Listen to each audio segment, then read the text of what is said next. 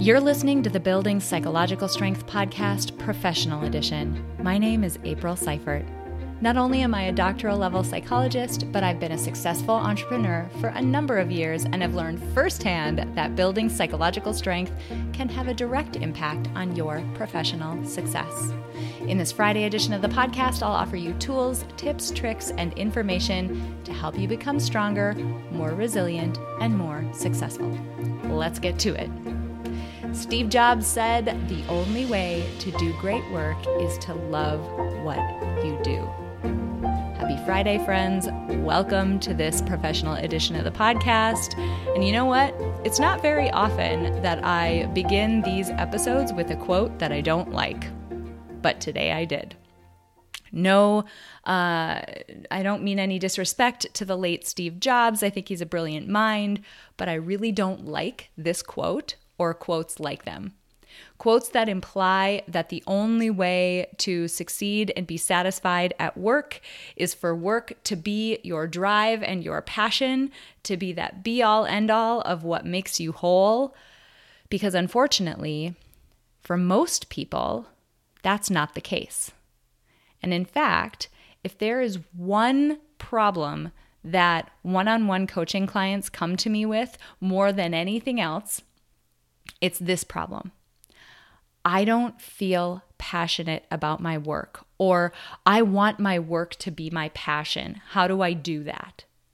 And we hear it all the time, right? This quote from Steve Jobs is just one way, but we hear all the time if you love what you do, you'll never work a day in your life, and other things like that. And that is a lovely idea. That's a lovely experiment. And if it's what you're striving for, man, make it your goal. I mean, go for it.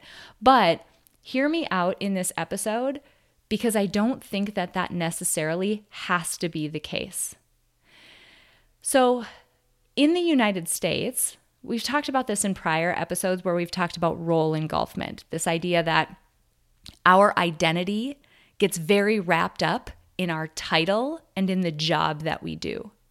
This is particularly strong or something that happens in the United States. We tend to identify with our work and with our title more than other countries and other cultures do. We also work really long hours. And so when you put those two things together, the role that our work plays in our identity and also the amount of our life that our work takes up, we can almost forget that there's life outside of work or that there's opportunity to be passionate outside of work. We look to this lack of passion in our lives, and the first place we think to get it is from our job. But is that the only place? And that's the question I want to pose. I'm not saying that it's impossible. No one can be passionate about their work. That's definitely not true. But if you are not passionate about your job, and there are real barriers in place for you to make a change, or you're not even sure what direction to go just yet, I would offer that asking yourself the question of how might I be able to feel that passion or express that passion in ways outside of my job is a much more near term, realistic way to get that passion engine fired up than making a sweeping career change. So, I want to dive into that a little bit into why your passion doesn't have to coincide, coincide with your work and then what to do when it doesn't. So, if you think about any of the activities that we do, anything that we do, whether it's work or something else outside of work, there are three main outputs that come out of any activity. These are money, their impact, and expression. So, money, we get paid to do something, we actually get a financial return from doing something. Impact means we impact the lives of other people. We leave a dent in the world. We leave footprints behind, you know, ourselves as we move through life, move through life and expression. We're able to be creative and express our true being and ourselves, our thoughts, our opinions, our ideas. So, money, impact, and expression. Now, I talked about the culture of the United States a bit ago and about how we experience role engulfment. We fuse our identity with our jobs. And one output of that is that we put a lot of pressure in the United States on getting all three of those outputs money, impact, and expression from our job.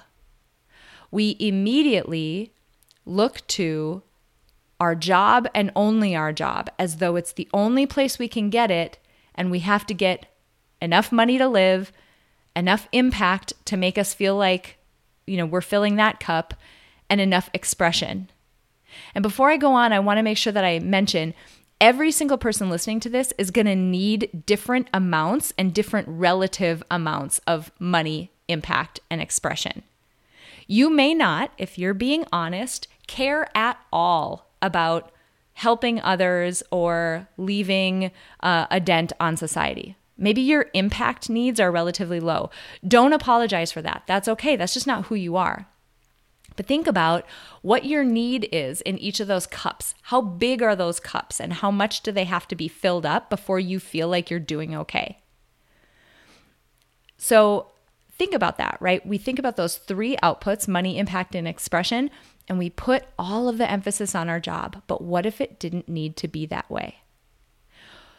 Lots of times, when I dig into it with folks who come to me with this problem, when they say they can't find their passion, what they're actually saying is that they can't find something that they're passionate about that pays them what they want to get paid.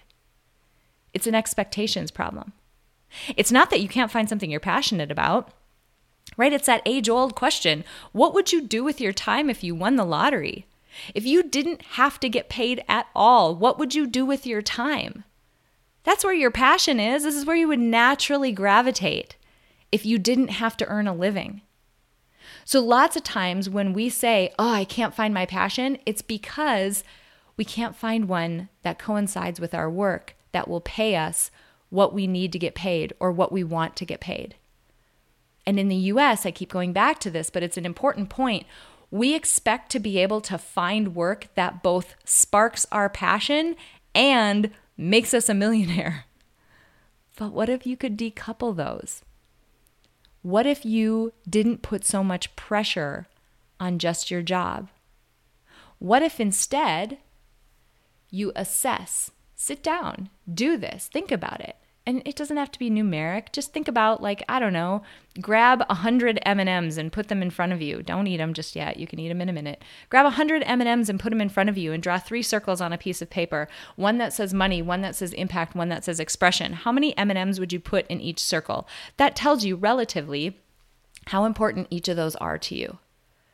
Sit down and figure out which ones are more important to you and maybe, what if you can achieve those levels each in different ways? What if your job is what fills up your money cup? Your job and your work is what gets you to the point where you have enough money, both to live, but also enough money, like the money that you want. What if your hobbies and your interests are what fill up that expression cup? And what if volunteer work is what fills up that impact cup? Or maybe somehow you can combine expression and impact into some type of activity. The point is, what if you can fill each of those three cups with more than one activity so that it makes you whole? What if life is so much more rich than just your career?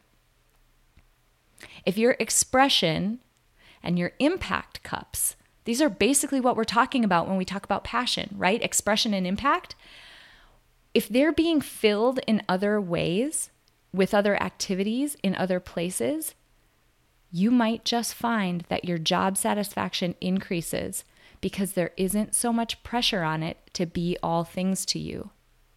That those very real needs for expression and for impact are being filled just in ways that aren't from your job.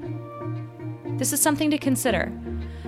I hope you'll take this and apply it to your own profession, apply it to your own desires and goals, and try it out. Let me know how it goes. For real, send me an email, april at peakmindpsychology.com. I want to hear from you about how this goes. Thank you so much for joining me for this professional edition of the Building Psych Strength podcast.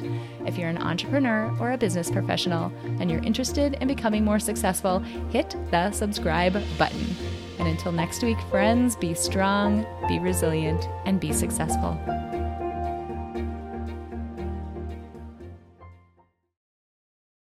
At Parker, our purpose is simple. We want to make the world a better place by working more efficiently by using more sustainable practices, by developing better technologies, we keep moving forward. With each new idea, innovation, and partnership, we're one step closer to fulfilling our purpose every single day. To find out more, visit parker.com/purpose. Parker, engineering your success. As humans, we're naturally driven by the search for better. But when it comes to hiring, the best way to search for a candidate isn't to search at all. Don't search, match with Indeed. When I was looking to hire someone, it was so slow and overwhelming. I wish I had used Indeed. If you need to hire, you need Indeed. Indeed is your matching and hiring platform with over 350 million global monthly visitors, according to Indeed data, and a matching engine that helps you find quality candidates fast. Ditch the busy work. Use Indeed for scheduling, screening, and messaging so you can connect with candidates faster. And Indeed doesn't just help you hire faster. 93% of employers agree Indeed delivers the highest quality matches compared to other job sites, according to a recent Indeed survey. And listeners of this show will get a $75 sponsored job credit to get your jobs more visibility at Indeed.com slash podcast. That's Indeed.com slash podcast. Terms and conditions apply.